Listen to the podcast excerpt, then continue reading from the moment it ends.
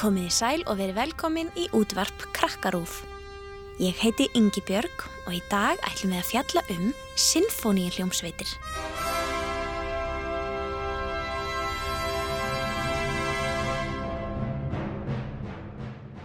Hvernig hljómsveit er Sinfoníu hljómsveit? Hvernig tónlist spilar hún? Hvernig meistari er koncertmeistari? Og til hvers er þetta prigg sem stjórnandin sveiflar alltaf framann í hljóðfærarleikarna? Hvað eru margir í sinfoníuljónsveit? Við fáum svör við öllum þessum spurningum og fleirum til á næstu mínútum.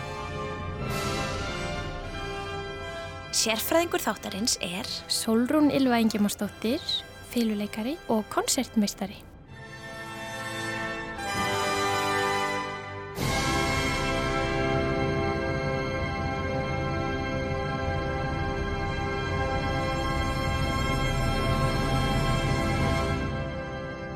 En áður en við hefjum leik er mikilvægt að stilla sér rétt. Geti fengið A?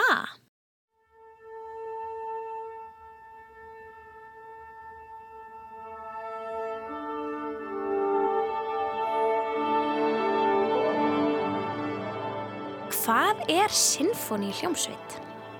Sinfoníu hljómsveit er stór hópur af tónlistafólki sem spila saman tónverk á hljóðfærin sín.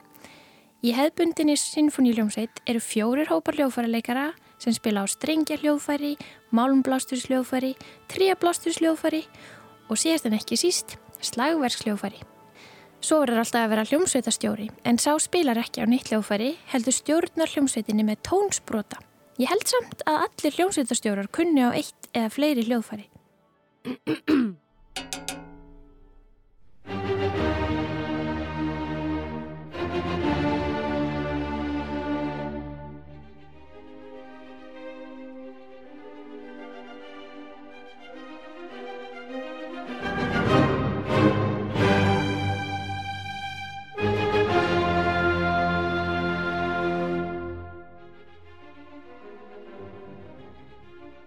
hljómsveitum er ofta ekkert rosalega margir, það er kannski bara tveir eða þrýr eða fjórir. En hvað með sinfóni hljómsveitir? Það geta verið mjög margir í symfóniljónsveit. Alveg 120 manns. Stundum eru samt aðeins færri, kannski 80, en það fyrir svolítið eftir í hvað, hvaða verk er verið að spila. Hvernig er hægt að spila saman þegar maður er svona ótrúlega margir?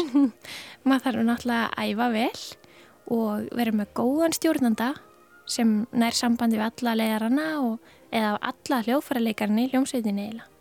Og allir þurfa að leggja sér fram. Þetta eru líki latri til að geta spila saman. Þú sagði tvö orð núna rétt án sem að mér langar til að fá á útskýring á. Mhm. Þú sagðir stjórnandi og svo sagðir leiðari. Já. Hvað þýðir þetta? Sko, stjórnandinn sér um að allir í hljómsveitinni spili saman. Ég meina á sama tíma og hraða og í sama styrkleika og með sömu tilfinningu. En hljómsveitastjórin fær að tólka tónverki svolítið á sinn eigin hátt og gefa því blæbreyði og liti sem honum finnst sannfærandi. Er þetta sá sem stendur fyrir framann hljómsveitina Já, heldur ekki hann einn hljóðfæri? einmitt, En hann heldur samt stundum á einhverju priki hendinni. akkurat. Hvað gerir það? Hann snýr svona baki áhörvendur og er bara með eitt prik í hendinni. Er þetta töfrasbroti? Þetta, það mætti alveg segja það. Þetta er tónsbroti, heitir hann. Og stjórnandi notar tónsbrotan eins og stýri á bíl. Hljóðfæraleikarinnir eiga að fylgjast með reyfingu tónsbrotans og spila tónlistina í samræmi við hana. Ef stjórnandi reyfir tónsbrotan hægt og mjúklega, þá eiga hljóðfæraleikarinnir að spila hægt og fallega. Ef tónsbrotin dansar um í loftinu, verður hljómsveitin að spila létt og leikandi.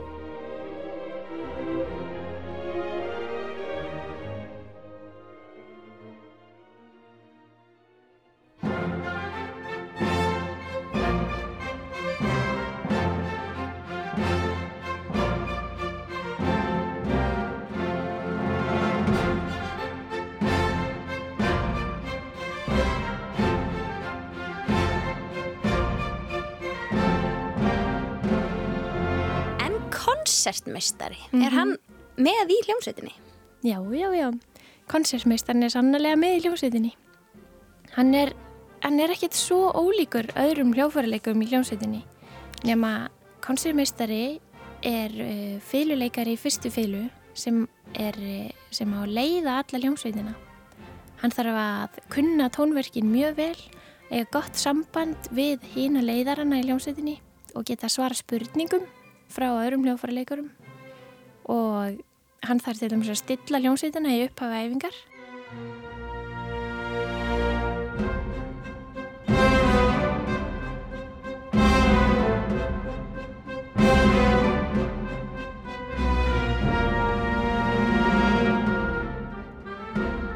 Hlutverk leiðara er ekki svo ósvipa hlutverki konsertmeistarans en í hverju rödd hljómsveitarinnar er að minnstakosti eitt leiðari.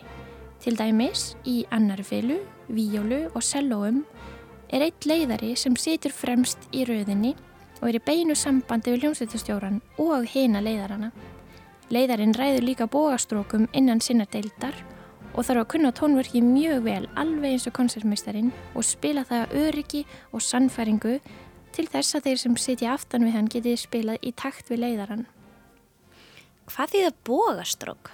Bógastrók, það er eitthvað sem strengjarleikarar kannast allir við. Það er þeir sem spila á feilu, víólu og cello og kontrabassa. Þeir nota allir boga þegar þeir spila hljófæri sín og bógastrók þýðir eiginlega í hvaða átt maður uh, notar bógan. Þannig að þurfa allir að vera samtaka. Já, um, er svolítið erfitt að útskýra svona talandi án þess að sína reynguna. En, en kannski bara þannig að allir var upp á saman tíma. Einmitt, og allir niður á saman tíma. Einmitt, allir gera niðurstróka saman tíma eða uppstróka saman tíma eða tvö uppstróki röð, það þarf að ákveða það saman. Svolítið eins og svona samhæður sundansari, það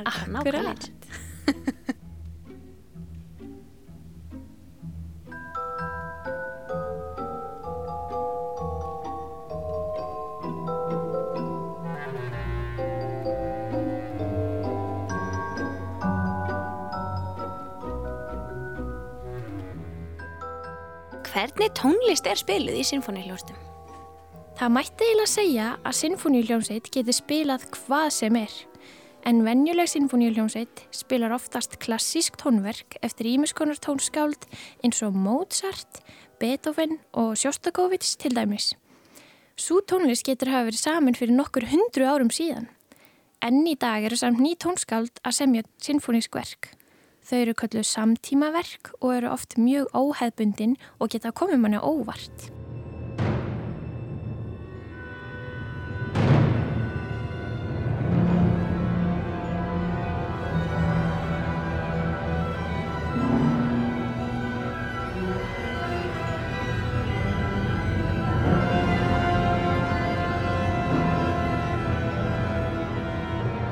Svo hefur reyndar til dæmi Sinfóniljónsett Íslands spilað á rock- og pop-tónleikum með landstækti tónlistafólki eins og þeim í Hjaltalín, Emilíunu Torrini og Skálmöld.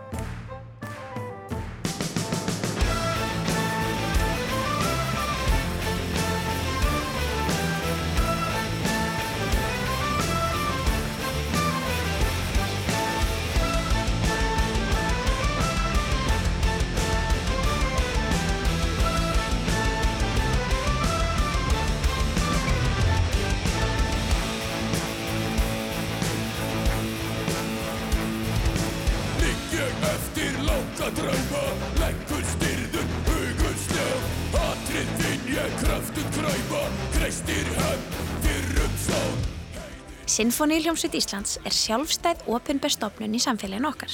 Það þýðir að allir Íslandingar eiga hana saman og borga smá hluta af skattpenningunum sínum til hljómsveitarinnar svo hún getur starfað og spilað fyrir okkur.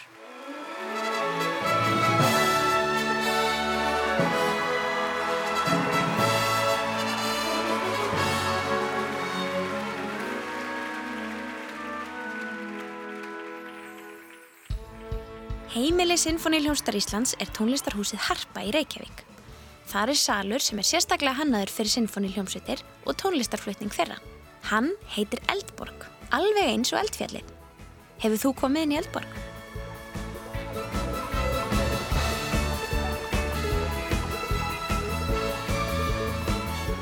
Sinfoníljómsveit Íslands spilar oft á tónleikum stundum í hverju einustu viku og við hér í Ríkisútarpinu tökum tónleikana upp og spilum á ráðseitt og stundum í sjónvarpinu fyrir alla þá sem komast ekki á tónleikana en langar að hlusta eða horfa. Gott kvöld, góður hlustundur og velkomnir í tónleikasall. Spennandi kvöld framöndan á tónleikum Sinfoníu hljómsveitar Íslands, þar sem flutt verða þrjú hljómsveitarverk, forleikur hinnar pólsku Gratsínu Bakevíks.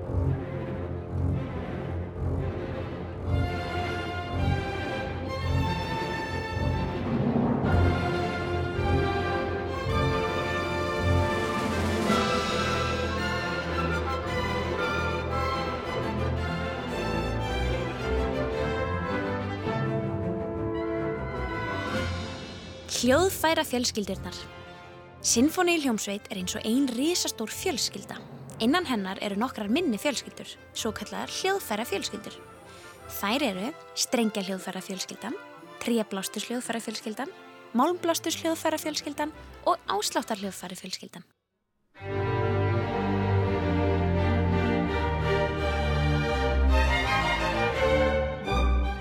Strengja hljóðfæra fjölskyldan inniheldur öll hljóðfærin sem hafa strengi sem stroknir eru með boga, slegnir eða plokkaðir.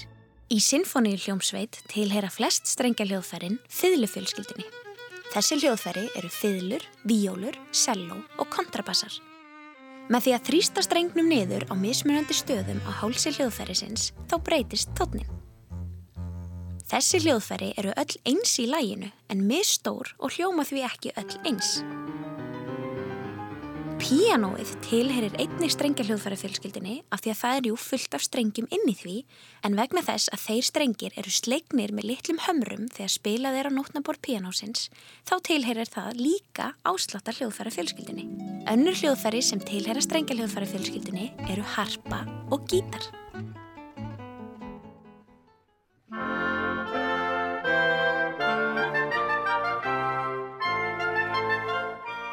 Tréblástus hljóðfæra fjölskyldan inniheldur hljóðfæri eins og klarinett, óbó, flautur, saxofóna og fagott.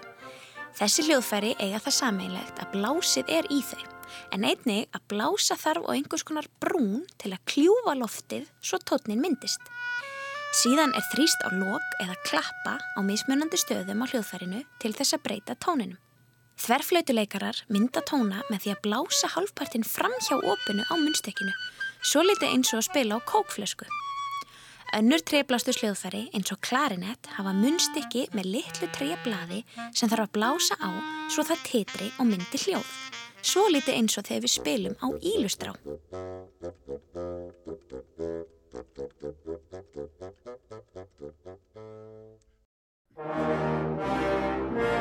Málmblástus hljóðfæra fjölskyldan inniheldur hljóðfæri eins og trompet, horn, básónur og túbur. Þessi hljóðfæri eiga það sameinlegt að vera öll með mjög svipu munnstykki og eru öll úr málmi. Þau eru hins vegar frekar ólík í læginu, sum laung og önnur stutt, sum með fjöl mörguröður og önnur fá. Tótnin er myndaður með því að láta varirnar tetra lofti inn í munnstykkið, laust eða fast, og lengja eða stitta leiðina sem lofti þarf að ferðast til að komast út um endan á hljóðfærinu eða bjölluna. Það er gert með því að draga sleða á básunu eða íta niður tökkum eða vendlum á horni, trompet eða túpu. Ásláttar hljóðfæra fjölskyldan inniheldur öll hljóðfæri hljómsveitarinnar sem eru slegin, nuttuð, skröpuð eða hrist til þess að ná tóni eða hljóði úr þeim. Þetta eru til dæmis trommur, pákur, málmgjöll, þrýhorn, klukkuspill, píanó og fleira. Sum hljóðfærin geta búið til laglínur og hljóma eins og klukkuspill, tréspill og píanó en önnur eru meira nótuð til að halda utanum rytman eða taktin eins og trommur og hristur.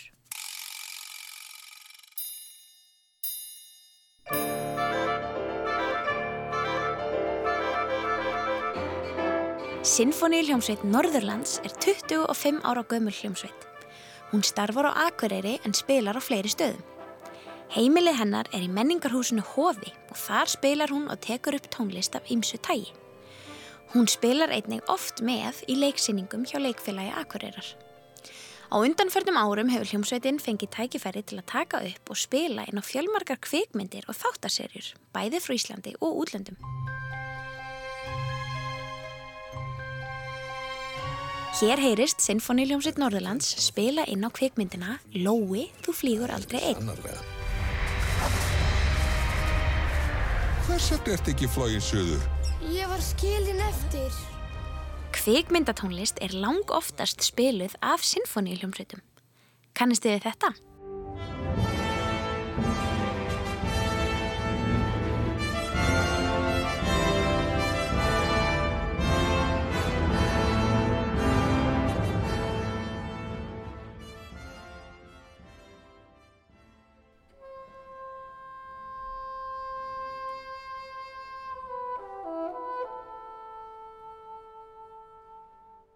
Solrún Ylva Ingimarsdóttir, þú ert þiðluleikari og þú spilar með hljómsveit sem heitir Ungsveit Sinfoníuljómsveit Íslands. Það er rétt. Getur þú sagt okkur hans frá henni?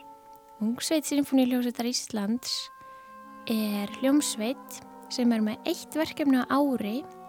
Mm, það eru alltaf inntökupróf fyrir þessa hljómsveit.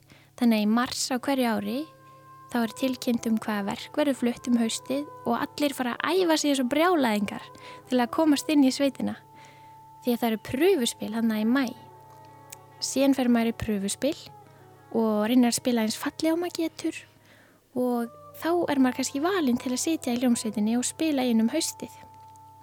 Þessi hljómsveit er svolítið svo námskeið í atvinnu hljómsveit. Það er mjög góð æfing fyrir okkur sem höfum áhuga að vinna í hljómsveit setna. Að fá að prófa að vera svona alvöru hljómsveit með alvöru stjórnenda í alvöru tónleikarsal. Hvað eru spilarni gamlir sem er í þessar hljómsveit? Í ár þá var yngsti spilarinn 12 ára og elsti 25 ára. Þannig að það voru krakkar á öllum aldri hana. Núna í haust þá fluttum við Sinfoníu nr. 5 eftir Sjóstakovits sem hann samti uh, á síðustu öld.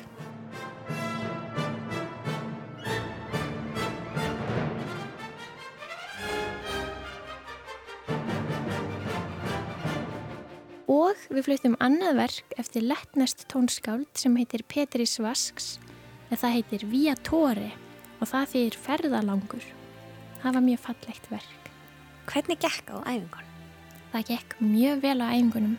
Það voru margi nýlegar í hljómsveitinni sem lögðu sér mjög mikið fram. Þeir hafa aldrei spilað kannski í sinfóni hljómsveit áður og þetta tók svolítið langan tíma. Við vorum næstu því mánuð að æfa okkur um, en við fengum svo góða leiðbennendur og stjórnendur að allt gekk mjög vel. Frábært. En hvað með þér sjálfa? Hvað ertu búin að vera að læra lengi að þilu? Ég er búin að vera að læra á fylgu síðan ég var 30 ára gömul Vá. og nú er ég 21. Hvað er það skemmtilegasta við að spila á þilu? Það skemmtilegasta við að spila á fylgu finnst mér að spila með öðrum. Það getur verið svo skemmtilegt að spila kammermusík með öðrum eða í svona sinfoníuljónsveiti eins og við vorum að tala um. Og þá fær maður að tólka alls konar tilfinningar á hljóðfæri sitt og það getur verið mjög skemmtilegt, spennandi eða hræðilegt. En hvað er að erfiðasta við að spila sinfóni hljómsveit? Það er, það erfiðasta getur verið að sitja á æfingunum. Það getur verið svolítið langar og maður fær ekkit að ráða því hvernig maður fær heim eða hvernig maður fær sér pásu. Það getur verið svolítið krefjandi en það er líka holdt að leggja sig, leggja sig svona mikið fram. En svo erum við líka oft bara að spila mjög erfið verk og þá þarf maður að leggja sig mikið fram og það getur bara verið erfitt og smá leiðilegt að þurfa að æfa sig heima eitthvað sem er svo ótrúlega erfitt. En svo er það ótrúlega gaman á endanum þegar maður er búin að ná öllu. Þá höfum við heyrt síðasta kaplan í þessari útvarpssinfóni. Sérfræðingur þáttarins var Solrún Ylva Ingemannsdóttir, fyluleikari og koncertmeistari. Þennan þátt og alla aðra þætti útvarpskrakkarúf má hlusta á aftur og aftur í hlaðvarpsappinu og inn á krakkarúf.is. Takk fyrir samspilið í dag. Heyrumst síðar.